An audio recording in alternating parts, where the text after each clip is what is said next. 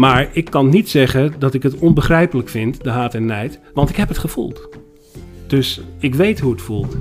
En ik weet hoe echt dat op dat moment is. En ik weet welke vijandschap je kunt projecteren op zo'n uitvak met uh, uh, figuren uit de andere stad.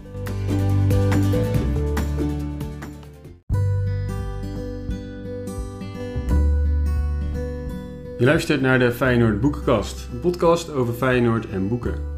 Mijn naam is Pieter Verkijk en in elke aflevering vraag ik een Feyenoorder naar zijn of haar favoriete boek. Hij begon zijn carrière eind jaren 90 met een stage op de cultuurredactie bij AT5, de lokale omroep in Amsterdam. Popmuziek trekt hem in de jaren ontzettend en eigenlijk nog steeds, want al meer dan 20 jaar schrijft hij voor de Volkskrant over popmuziek. Ik heb het hier over Menno Pot. Dat popmuziek leuk is, maar voetbal nog veel leuker, beseft hij zich in 2005. Toen bracht hij zijn eerste voetbalboek uit. Eentje waarmee hij direct de Nico Scheepmaker Publieksprijs voor beste sportboek wint. Menno is inmiddels vele sportboeken verder en heeft er daarvan zeker vier over specifiek Ajax volgeschreven. Menno is namelijk een Ajax-supporter. Met hem hoop ik terug te gaan de geschiedenis in. Aangezien het deze week 100 jaar geleden is dat onze clubs voor de eerste keer tegen elkaar voetbalden en Menno heel veel weet van de geschiedenis van Ajax. Ja, de eerste klassieker was ik niet bij hoor. Uh, 1921. Nee, toen kon ik niet. Maar uh, ja, ja. Uh, ik, ik heb er heel wat gezien. Zowel hier als in de Kuip. ik denk in het uitvak in de Kuip heb ik volgens mij 14 keer gestaan. En nog een keertje dat we er niet in mochten. En één keer tussen het Feyenoord publiek in de Kuip in een, in een thuisvak.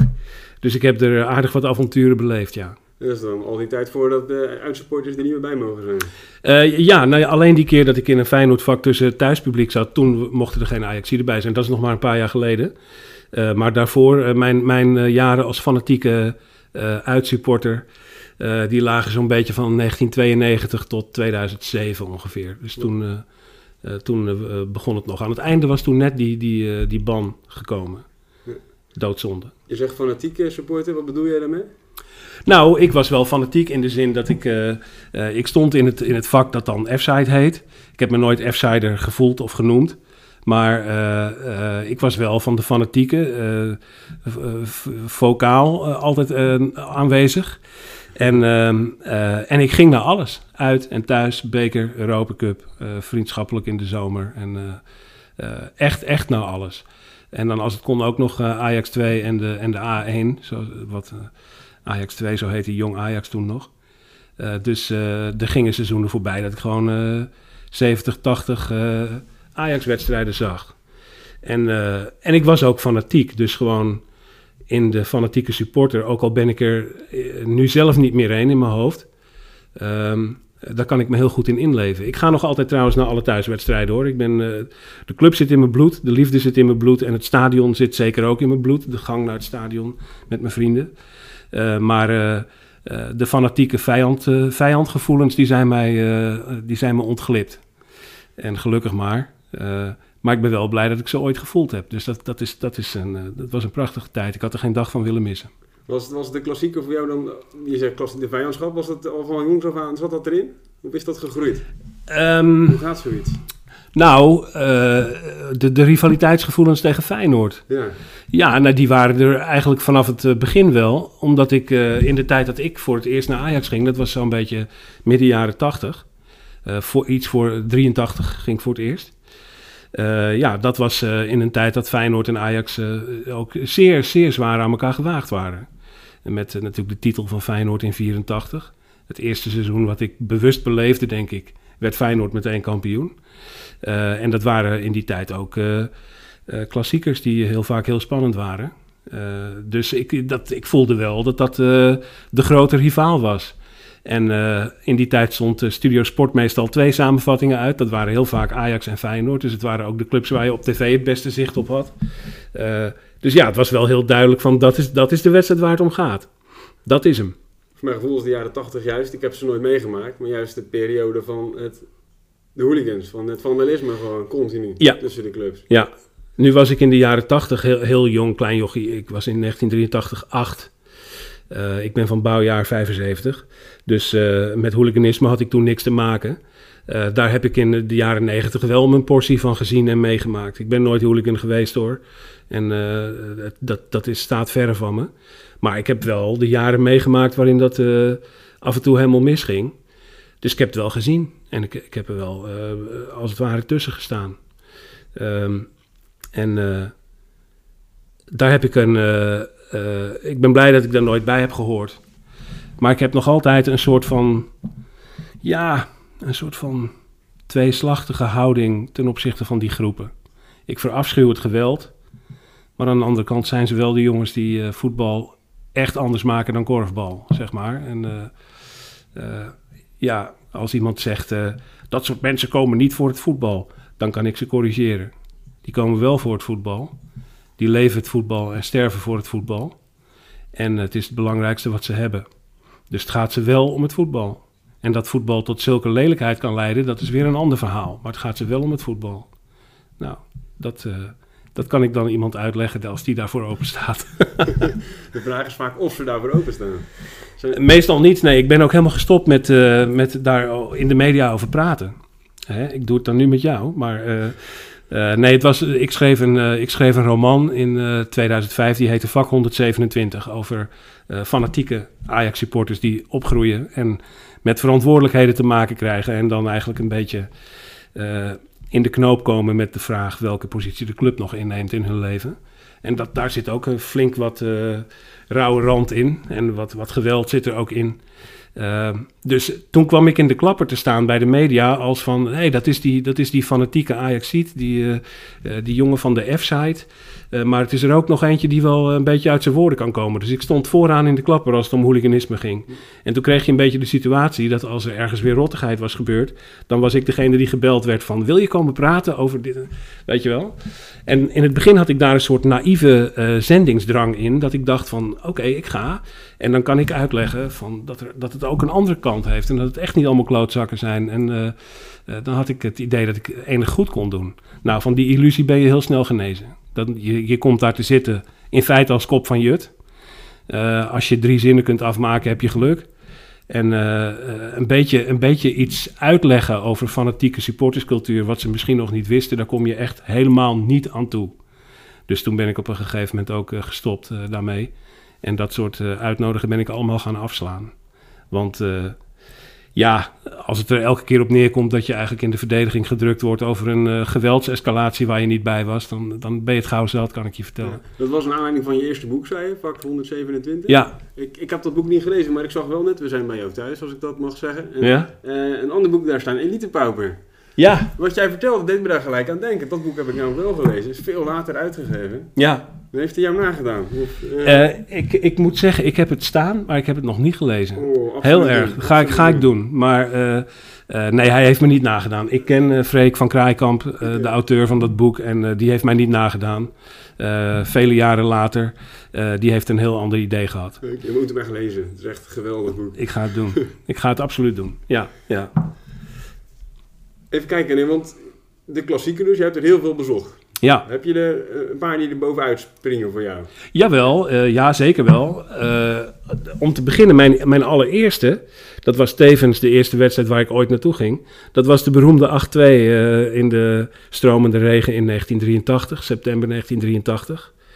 Uh, dus dat was meteen een goede binnenkomer. Met Johan Cruijff in het shirt van Feyenoord. En nou ja, dat is tevens de enige keer dat ik Johan Cruijff een officiële wedstrijd heb zien spelen. Daarna alleen nog een paar onofficiële van die reuniedingetjes en zo. Uh, maar ik ben me er totaal niet van bewust geweest dat hij daar liep. Ik was acht. Ik was met Ajax bezig. Ik had uh, de Panini-plaatjes van de Ajaxide. Ik, dat waren mijn mannen. En uh, ja, de tegenstander was gewoon Feyenoord. Ik heb, ik heb niet eens op Johan Cruijff gelet. En als mensen het over hem hadden, dan dacht ik ook, ja, nou en? Weet je wel? Dus, dus, zo sta je er als jochie van acht aan naar te kijken. Uh, maar uh, ja, ik weet nog, daar weet ik nog alles van, van, van die dag. Elke minuut, elk beeld zie ik nog voor me. Met hoe groen dat gras is als je voor het eerst echt een stadion binnenkomt. Het lijkt wel licht te geven. En de, de, de lichtmasten die schijnen op het beregende veld. de geuren van, van al die mannen Veel sigarettenrook en leren jassen en eh, zoals dat toen was. Eh, en, en het geluid van een juichend stadion en voor het eerst je helden zien winnen en zo, dat, dat is onvergetelijk. Dus ja, dat, dat was mijn, eh, mijn klassieker aftrap. Ik had het op zich kunnen weten natuurlijk, dat je overwinningen van Ajax zou gaan noemen nu. Ja, ik, eh, ik kan je zelfs vertellen. en Maar, maar dat jaar, dat jaar, wie werd de kampioen dat jaar? dat, eh, dat, werd, eh, dat, was, dat werd Feyenoord. Met die prachtige uitspraak van Johan Cruijff. En toch zijn het maar twee punten. Eh, en dat was, zo was het precies, hè. Eh, dat, was, eh, dat, was, eh, dat was toen. Eh, en verder, ja, nou ja, weet je, ik ben een Ajaxiet van het niet kinderachtige soort. Ik heb dat, dat lange neus maken naar andere clubs en dat bij de handen van eh, wie er het vaakst wint en zo. Ik heb dat niet heel erg. Dat vind ik allemaal een beetje flauwekul. Maar feit is wel dat, eh, dat, dat Ajax meestal wint. Ja, dat is, dat is natuurlijk wel de realiteit van de klassieker van de laatste tijd. En zelfs in de Kuip kan ik je vertellen dat ik er 14, 15 gezien heb in de Kuip. En dat er geen nederlaag tussen zat. Maar dat is toeval. Want eh, de paar keer dat eh, Ajax daar verloor, die waren er echt wel. Ehm, toen was er iets. Eén keertje had ik mijn kaartje al voor de treincombi. Dat was in 2001. Eh, toen was het in december, 10 december of zo. En ik werd op de ochtend van de wedstrijd wakker. Ik had gewoon eh, 41 graden koorts of zoiets. Dus toen ben ik niet gegaan. Verloor Ajax met 3-1. En dan waren er twee in de beker, eh, dat het midweeks was. Eén keer was ik al afgereisd naar Milaan, omdat Ajax daar dan in de kwartfinale van de Champions League moest spelen. Dus ik dacht, nou laat ik die beker tegen Feyenoord wel even, wel even zitten. Verloren we ook. Eh, en eh, zo kwam het eigenlijk steeds dat ik er bij de nederlagen niet bij was. Dus ik ben ongeslagen in de Kuip. Eh, en eh, wel gelijke spelen trouwens. En daar zaten er ook een paar bij waar Ajax afschuwelijke mazzel had. Dus eh, wat dat betreft, eh, eh, alle respect hoor. En het is een fenomenaal stadion. Altijd geweldige tijd gehad. Eh, geweldig om te zijn. Het klinkt goed. Het is prachtig. Het is de, de tempel van Nederland. De mooiste, mooiste stadion wat er staat in ons land. Ja, vind je dat? Ook Ja, vergeleken met de eerdere Ajax-stadions of de, de huidige? Nou, die waren onvergelijkbaar omdat het, de meer was heel klein. Het was een te gek eh, bakkie hoor, maar eh, hartstikke klein. Dus dat is niet in dezelfde eh, categorie als de Kuip. Het Olympisch Stadion was een oude bouwval. dat, dat, kon, dat kon echt niet meer in de tijd dat ik daar stond. Dat pleurde echt van rottigheid in elkaar. Eh, wat overigens geen bezwaar is, want dat doet de Kuip nu ook een beetje. Eh, je ziet, eh, ik vond het toen ik daar incognito was en, en op de tribune tussen de Feyenoorders zat...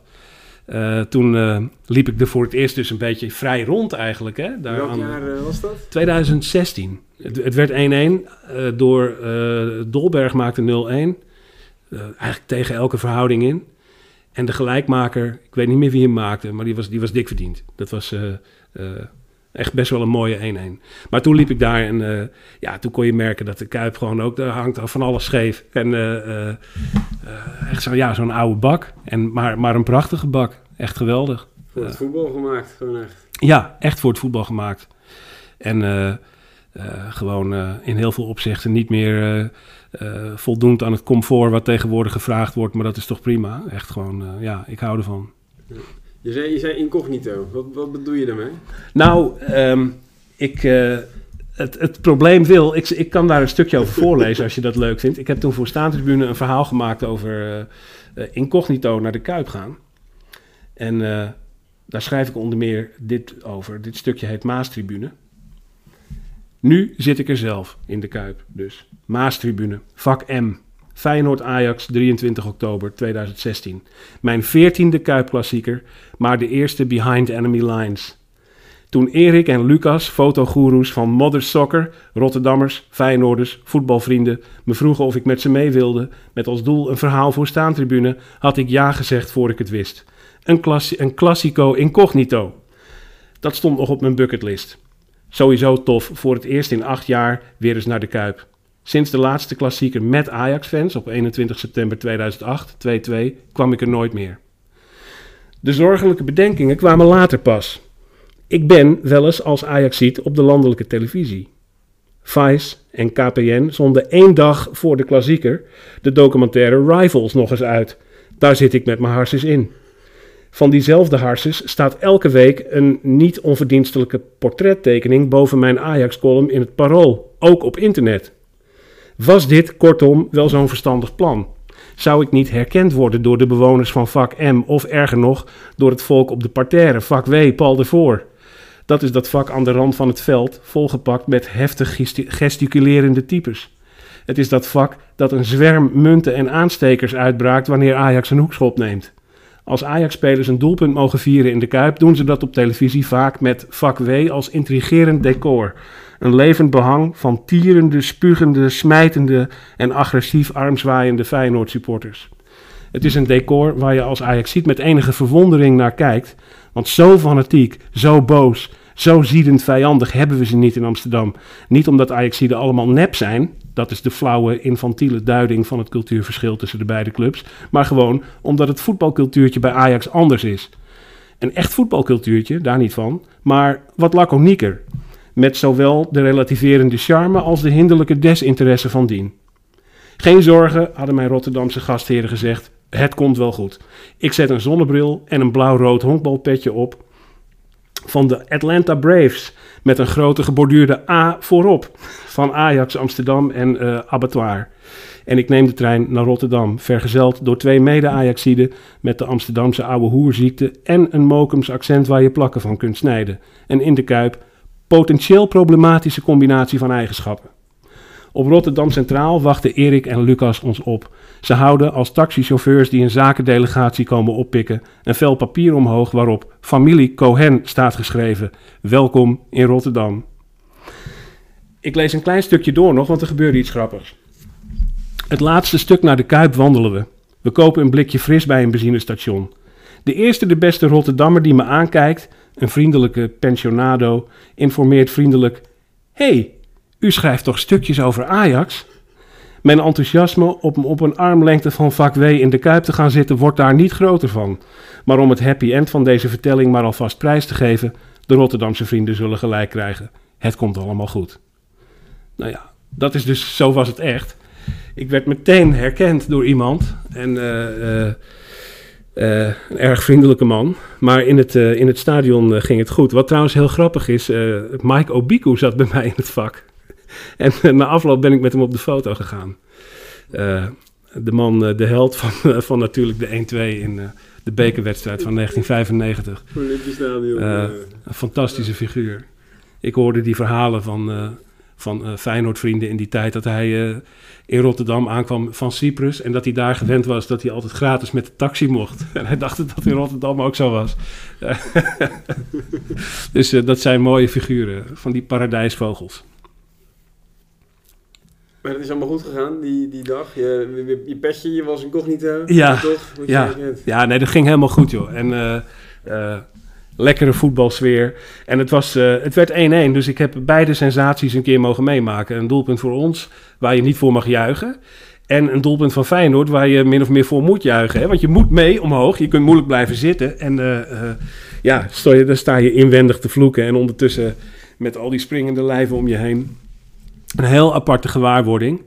En ook het, een, een Ajax-doelpunt daar. Dat je gewoon echt op je handen moet zitten. En dat je het in je hoofd voelt, uh, voelt juichen. Maar je mag alleen niks laten blijken. Ik heb wel eens op Midden-Noord gezeten bij Den Haag Feyenoord. Ja. dat is ook een pittige, ja. Dat is ook een pittige. Ja, ja. Dus uh, nee, dat was, uh, dat was helemaal prima. En tegen die tijd, in 2016, toen was ik inmiddels de 40 voorbij. Um, toen had ik daar, zat ik daar ook op een hele andere manier dan ik er eh, twintig jaar eerder gezeten zou hebben. Ik zat nu gewoon uh, te genieten eigenlijk. En uh, mooi mee te maken hoe het, uh, hoe het daar was. Af en toe een beetje oogcontact met die, die jongens die ik kende. Van, hey, gaat het nog goed? Ja, het gaat nog goed. En ja, het was gewoon heerlijk om mee te maken. Oh, ze zaten niet gelijk naast jou? Gewoon. En ze zaten een paar rijen achter me. Ah. Dus ik keek af en toe om. En kreeg ik een duimpje. En zij, zij waren daar heel erg no-nonsense over. En ik weet ook zeker dat met de mensen om mij heen zou er geen enkel probleem geweest zijn. Je moet alleen niet door de verkeerde groepen gezien worden. En dat, uh, uh, ja, dat, dat hebben we natuurlijk allemaal wel eens zien gebeuren. Dat er eentje uh, gespot wordt en dan gaat het toch vaak fout. Dus dat wilde ik niet hebben natuurlijk. Nee, maar dat moet, is toch ook onzin dat dat allemaal niet zou kunnen. Dat je per se in een uitvak moet zetten. Wat, het is de situatie natuurlijk. Ja, ja. Ja. Ja, ja. Je kan er niks aan doen nu. Nee, en, en daar komt dus wat ik net ook zei, hè, die, die, eh, die, die iets wat hy- hypocriete tweeslachtigheid die ik daarin heb. Want ehm, natuurlijk vind ik het vijandschap eh, stom. En ik bedoel, laat mij nu maar lekker naast een Feyenoord... Ik zit liever naast een leuke Feyenoorder dan naast een stomme Ajaxiet, weet je wel. De eikels bestaan overal en tof volk ook. Eh, dus eh, eh, daar ben ik nu niet zo moeilijk meer in. Maar ik kan niet zeggen dat ik het onbegrijpelijk vind, de haat en nijd. Want ik heb het gevoeld. Dus ik weet hoe het voelt. En ik weet hoe echt dat op dat moment is. En ik weet welke vijandschap je kunt projecteren op zo'n uitvak met figuren uit de andere stad. Dus ik weet hoe het voelt. Ik heb het gevoeld. En ik vind er ook nog een soort schoonheid aan zitten. Want het moet ook weer niet te gezellig worden. Hè? Je moet niet, eh, zoals bij het schaatsen, dat je met, eh, met, met, de, met de Noren in Polonaise... Zo, de- nee, dat, de nee, dat moeten we bij Feyenoord Ajax niet hebben. We moeten wel een beetje de scheid aan elkaar hebben, toch? Ja. Nee, dat is ook eh, het, het andere onderwerp waar ik natuurlijk met jou over wilde hebben, is je boek over de derby. Ja. Daar, jij hebt ooit een boek geschreven over de Ja. derby. Waarin je prachtig uiteenzet gewoon in Nederland een aantal derbies die er zijn. En zodat ook een soort van theoretisch kader van wanneer is iets nou een derby. En volgens mij is een soort van Ja, haat en nijd wel een van de dingen die daar onderdeel van zijn. haat en nijd is een vereiste. Want je kunt eh, eh, twee clubs uit dezelfde stad of dezelfde regio hebben die eh, tegen elkaar voetballen. Maar ja, als ze niks in elkaar losmaken, dan is het ook geen derby. Er hoort wel een zekere animositeit bij. Maar de allerbelangrijkste factor is natuurlijk dat er een geografische nabijheid is. En dan voldoet Ajax Feyenoord niet aan de criteria. Ik heb daarover nagedacht van ja, wat is hem dan dat precies? Eh, kun je dat vangen in een aantal kilometers of zo? Of eh, kun je het vangen in eh, dat het aan dezelfde snelweg ligt of weet ik veel wat? Maar daar kom je niet helemaal uit, want afstanden betekenen in Rusland nu eenmaal wat anders dan bij ons. Ehm, dus met alleen puur het aantal kilometers kom je er niet. Maar waar wel sprake van moet zijn, dat is dat je de derby kunt herleiden tot één geografische naam, als het ware. Het moet de derby zijn van Rotterdam, of de derby van Friesland, of de derby van Zuid-Limburg of zo. Er moet iets, je moet een, een aardrijkskundige naam hebben waar je ze beide in kunt vangen, anders telt hij niet. En eh, dat is met Ajax Feyenoord niet zo. Het zijn twee verschillende steden, het zijn ook twee verschillende provincies. Dus Ajax Feyenoord is er eentje van het type Real Madrid-Barcelona. Eh, dat is Castilië tegen Catalonië en twee verschillende steden met een flinke afstand ertussen. De twee grootste steden van het land. Eh, maar ehm, het is niet. eh, het, het is de twee grootste steden tegen elkaar, dat is een ding. Maar het is niet de geografie als zodanig die eh, het een derby maakt. En dan, dan telt hij niet mee. In Rotterdam hebben we natuurlijk ieder jaar op het hoogste niveau wel één, of ik bedoel sowieso twee natuurlijk. Soms, thuis, soms ja. zelfs nog drie Ja. keer zoveel als eh, ook Excelsior erbij Ja. zit. En daar heb ik dan ook weer een theorie bij, hè, dat, dat, eh, eh, dat een derby ook wel gebaat is, in elk geval aan kracht wint, als er sprake is van een zekere gelijkwaardigheid. En die is er tussen Feyenoord en Excelsior natuurlijk niet. En tussen Feyenoord en Sparta normaal gesproken ook niet. Soms deed Sparta goed mee, maar normaal gesproken is Feyenoord toch echt van een heel ander kaliber dan de andere twee Rotterdamse clubs. Dus wat dat betreft is, eh, was een tijdje lang Sparta Excelsior echt eentje die er heel erg om ging. En die zaten elkaar ook echt heel lelijk in de weg met promotie en degradatie. En dan krijg je wel echt gewoon, dan maakt het echt iets uit dat je uit dezelfde stad komt. Ja. Dan gaat het leven. Jan Dirk Stouten vertelde mij een keertje, die eh Rijnmond verslaggever vroeger. Ik weet niet of je hem kent, maar Nee. in Rotterdam een bekendheid, zeg maar, Ja. bij de lokale journalistiek. Dat hij onder politiebegeleiding eh, ja, bij het kasteel weg moest gewoon. Dat was dan bij een Sparta Excelsior. Maar hij was van Feyenoord, vonden de Spartanen, en dat is hij ook. Maar Ja, eh, gewoon, die kon gewoon niet het stadion uit. Het nette keurige Sparta, we hadden het hiervoor al even erover. Ja. ja, ja, nou ja, zo kan dat dan gaan. En eh, ja, die, die animositeit hoort er wel bij. En ik heb er een, een hoofdstuk toen ingeschreven over de Rotterdamse driehoek derby. Want dat is natuurlijk volkomen uniek. Dat je drie, eh, drie clubs in één stad hebt zitten die betaald voetbal spelen. En soms ook nog alle drie tegelijk in de eredivisie zaten. Eh, die situatie heb je in Nederland maar op één plek. Eh, voor vergelijkbare gevallen moet je naar Athene of Istanbul of zo, weet je wel. Ehm, dus ja, dat, dat, is, dat was heel bijzonder. Maar ik geloof dat ik uiteindelijk NEC tegen Vitesse tot de ultieme derby heb uitgeroepen. Omdat dat twee steden zijn van min of meer vergelijkbare grootte. In één provincie, heel dicht bij elkaar, stijf van de vijandigheid en historisch gezien ook nog eens een keer heel erg in balans. Dat spande er toen echt enorm om. Uh, je kon daar ook niet zo 1, 2, 3 zeggen wie nou eigenlijk de grootste was. Nou, en dat, uh, dat, dan heb je eigenlijk wel een soort ultiem derby gevoel te pakken. Daarom staan zij ook op de cover van het boek. Ja, ja, en ook om de shirts. Ik ben dol op de eredivisie. Onze prachtige, mooie, lieve eredivisie. Want uh, de shirts zijn zo bijzonder. Vitesse, NEC, maar ook Ajax en Feyenoord. Uh, als je de shirtjes van de eredivisie uh, zo naast elkaar legt, als, als van die schabloontjes, zeg maar, hè, de thuistenues. Dat kan echt maar één competitie zijn. Volkomen uniek. Willem II, NEC, Vitesse, dat zijn unieke shirts. En ook allemaal van clubs die al 100 jaar traditie hebben of zo. Dus dat is, me, dat is me vreselijk dierbaar. Dat vind ik heel mooi. Ja, mooi. En Ajax AZ, is dat dan niet een derby aan het worden? Dat, dat, uh, in, in die tijd dat ik dat boek schreef, uh, heb ik hem als twijfelgeval opgevoerd. Want tot op dat moment was dat eigenlijk nooit zo. het Noord-Holland gevoel leefde totaal niet. De, het was nou nooit dat die twee tegen elkaar speelden en dan het gevoel hadden: dit is de derby van Noord-Holland. Dat zei, dat zei nooit iemand. Dat gevoel bestond helemaal niet. Uh, dus die dat geografische gevoel was er niet tussen die twee clubs. Maar wat je in die tijd had, was dat AZ wel echt goed begon te worden. En dat Ajax zich bedreigd voelde door AZ. En dat AZ heel vaak de, de lof kreeg voor het feit dat ze het mooie voetbal speelden, dat Ajax niet speelde op dat moment. Uh, en toen begon dat wel te, te, uh, te knagen in Amsterdam. En toen kreeg je wel een beetje het gevoel van... godverdomme, AZ komt weer. We verloren er ook nog regelmatig van. Dus uh, zij werden in 2008 ook kampioen. Dus dat was echt in de tijd van dit boekje. Uh, dus toen kwam daar enig derbygevoel los. Maar nog altijd had dat niet te maken met de Noord-Hollandsheid ervan.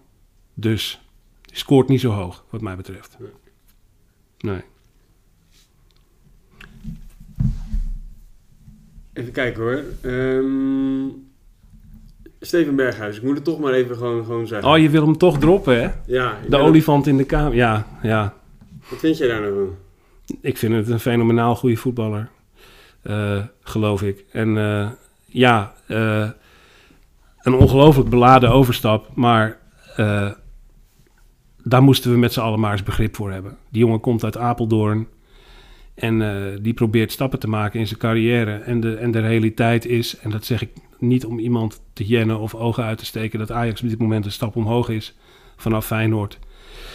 Hij wil Champions League voetballen.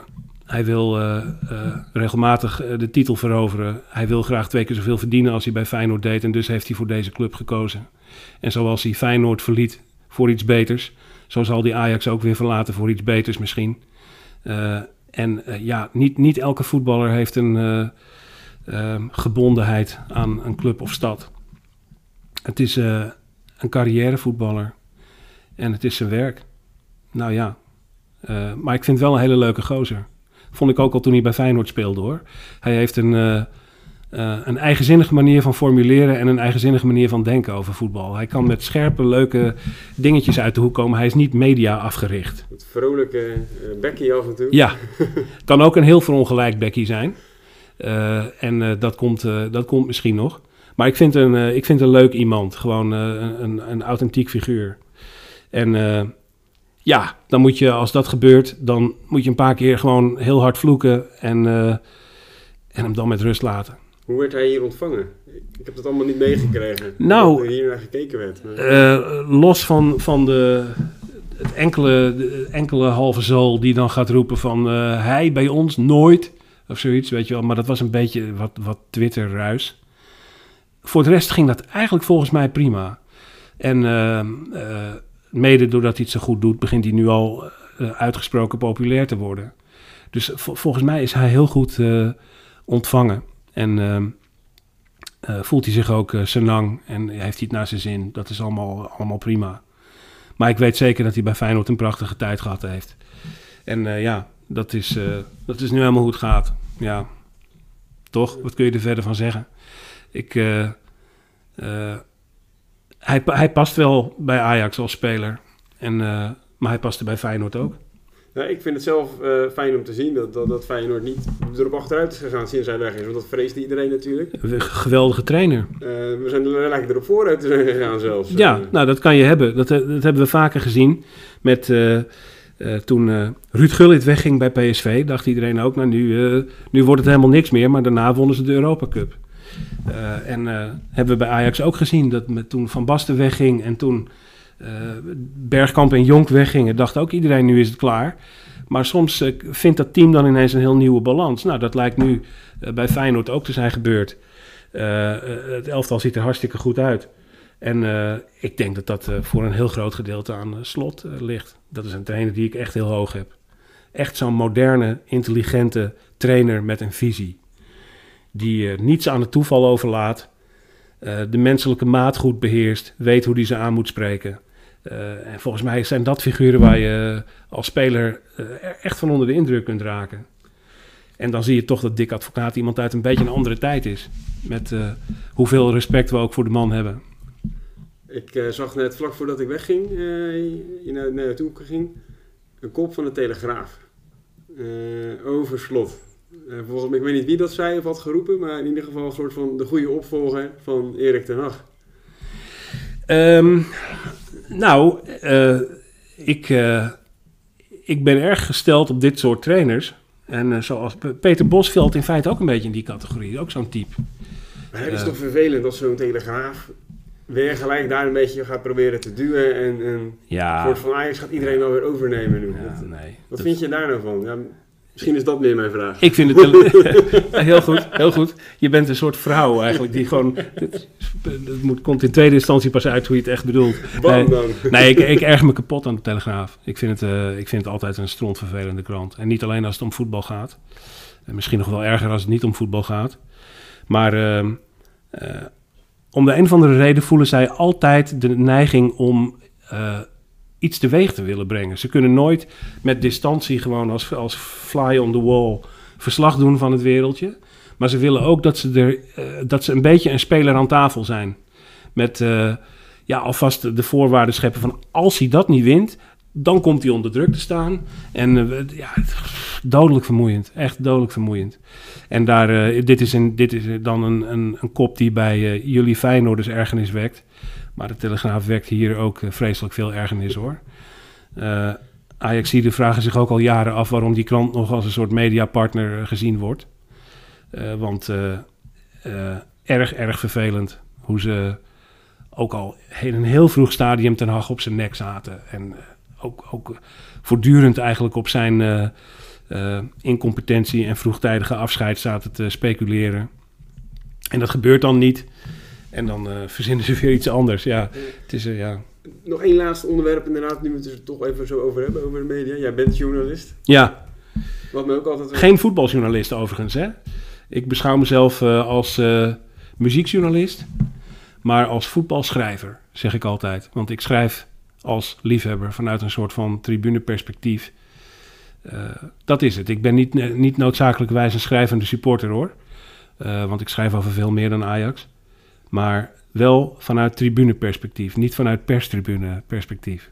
Nee, want hoe vind jij het dan? Helemaal helder, maar dat, dat de clubs steeds meer zelf overal de controle over houden. Misschien ook daardoor juist dat de Telegraaf dat soort dingen gaat, gaat roepen en doen, omdat ze... Niet meer gevoed worden. Ja. Vanuit, ja. Ja, nou dat is een, uh, dat is een tendens die het er niet leuker op maakt. Hè? Uh, ik denk dat we het allemaal eens kunnen zijn dat je een voetballer eh, liever geïnterviewd ziet worden door een kritische journalist die hem nog een paar onverwachte vragen stelt, dan die, eh, die voorgekookte filmpjes eh, van de club zelf. Maar als ik advocaat van de duivel speel, begrijp ik ook wel weer waarom ze het doen. Want de voetbaljournalistiek, ja, 30 jaar geleden was dat zaten er vier krantenjournalisten en één iemand van de radio in zo'n perszaal, bij wijze van spreken. Maar nu bellen er voor elke wissewasje 50 blogs en uh, 20 uh, clickbait uh, nieuwsites. En uh, dat, dat, is echt, dat kent geen grenzen meer. Dus ze moeten ergens wat lijnen trekken, omdat het anders gewoon echt te veel is. En ja, dan krijg je een beetje dit. Uh, zoveel mogelijk in eigen huishouden. Maar ja, jammer toch, want ze zeggen op die clubkanalen nou echt nooit iets bijzonders. Altijd precies uh, wat de bedoeling is dat ze gaan zeggen. Ja. Jammer, ja. Ja. Ja, dat is...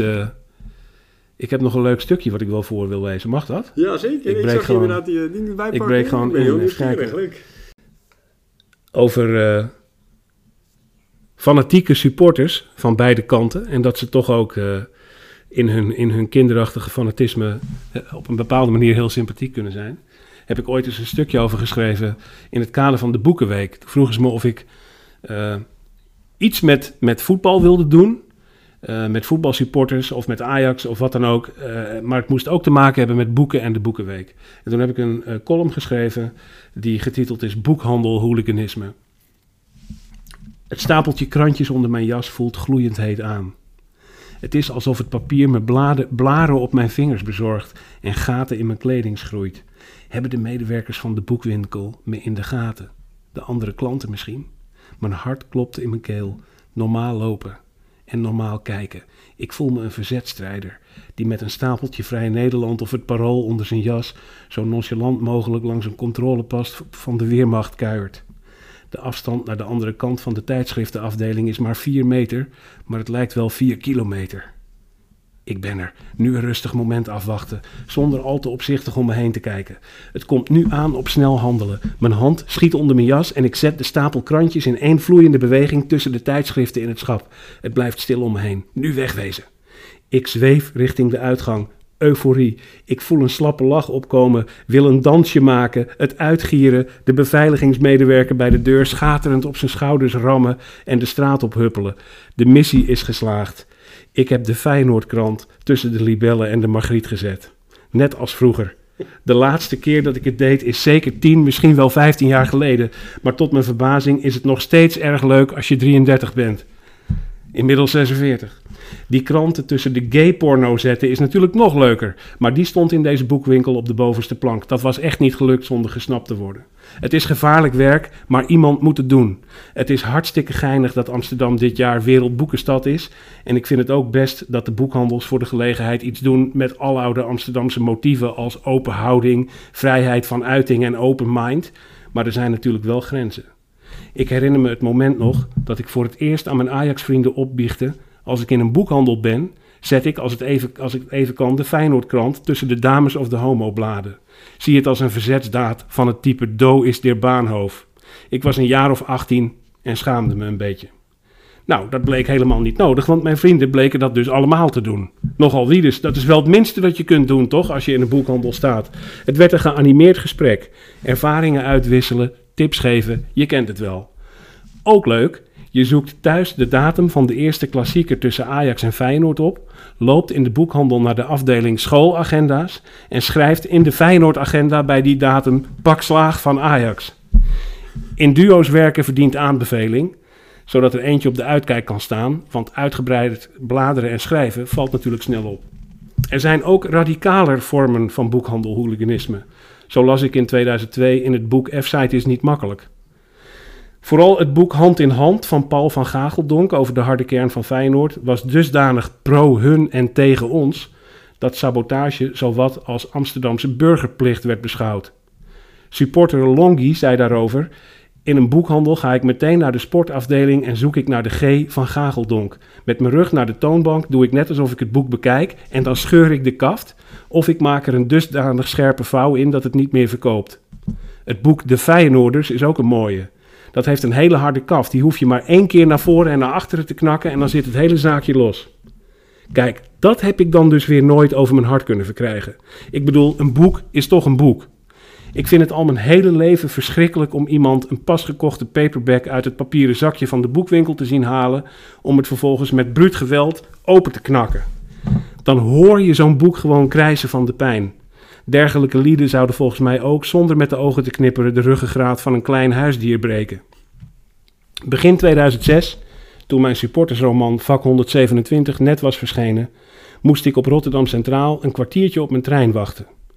Boekjes en blaadjes kijken dus. Zouden ze mijn boek eigenlijk hebben ingekocht hier in het Hol van de Leeuw? Mijn ogen gleden langs de ruggen en daar stonden ze. Twee exemplaren zelfs. Ze waren als enige twee boeken in de hele kast netjes achterstevoren gezet, zodat de titel niet zichtbaar was. Ik heb ze geïnspecteerd en nadat ik had vastgesteld dat ze onbeschadigd waren, teruggezet zoals ik ze aantrof. Titel tegen de achterwand. Een kwestie van respect voor de Rotterdamse collega's. Soms snap je je vijanden beter dan je vrienden. Prachtig. Nou, kijk, en dat is dus gewoon, hè, eh, uiteindelijk snap je elkaar wel. En dat is zeker, als je wat ouder wordt ook, hè, dan, dan, eh, dan komt je fanatisme eh, in perspectief te staan. Kun je daar ook een beetje om lachen. En dan merk je eigenlijk, en dat is heel mooi, dat je bij alle clubs in Nederland zo'n generatie jongens van onze leeftijd hebt, die dat allemaal hetzelfde zien. En die, eh, die misschien toen in de hekken hebben gehangen, naar elkaar schreeuwen en wie weet spugen en iets gooien en weet, je, weet ik allemaal wat niet. En misschien is het ook maar goed dat er toen een hek tussen stond. Maar eh, nu deel je eigenlijk een soort universeel verleden. En is het gewoon van ja, de, de, de fanatieke jongens van onze generatie. En nu hebben we allemaal kinderen en een te dikke pens. En zijn we allemaal, we zijn eigenlijk gewoon. En dan zijn we eigenlijk toch ook wel weer allemaal heel lief, vind ik altijd, snap je? Eh, dat is mooi. En dit soort gevoelens blijven altijd. Ja, en, en een diep liefde voor de, diepe liefde voor de club. En dat, is, eh, dat zijn Ajax en Feyenoord ook heel erg waard. Het is ook heel mooi om te merken dat eh, eh, ja, op, op, eh, op clubniveau, op bestuurlijk niveau, de verenigingsmensen, dat daar gewoon eigenlijk een hele warme band juist tussen die twee clubs bestaat. En dat die jeugdspelers elkaar kennen, die zaten allemaal samen in Jong Oranje en weet ik allemaal wat. Dus ja, en, en die maken natuurlijk hetzelfde mee. Die spelen bij de twee grootste clubs van dit land. En twee moeilijke clubs waar een moeilijke vijfde kolonne zit. En, en waar je af en toe te maken krijgt met hele boven, boze idioten. En eh, die, die hebben in heel veel opzichten vergelijkbare ervaringen en een vergelijkbaar referentiekader. En eh, ja, dan eh, twee van zulke clubs heb je gewoon nodig, joh. En wij hebben er maar twee in Nederland.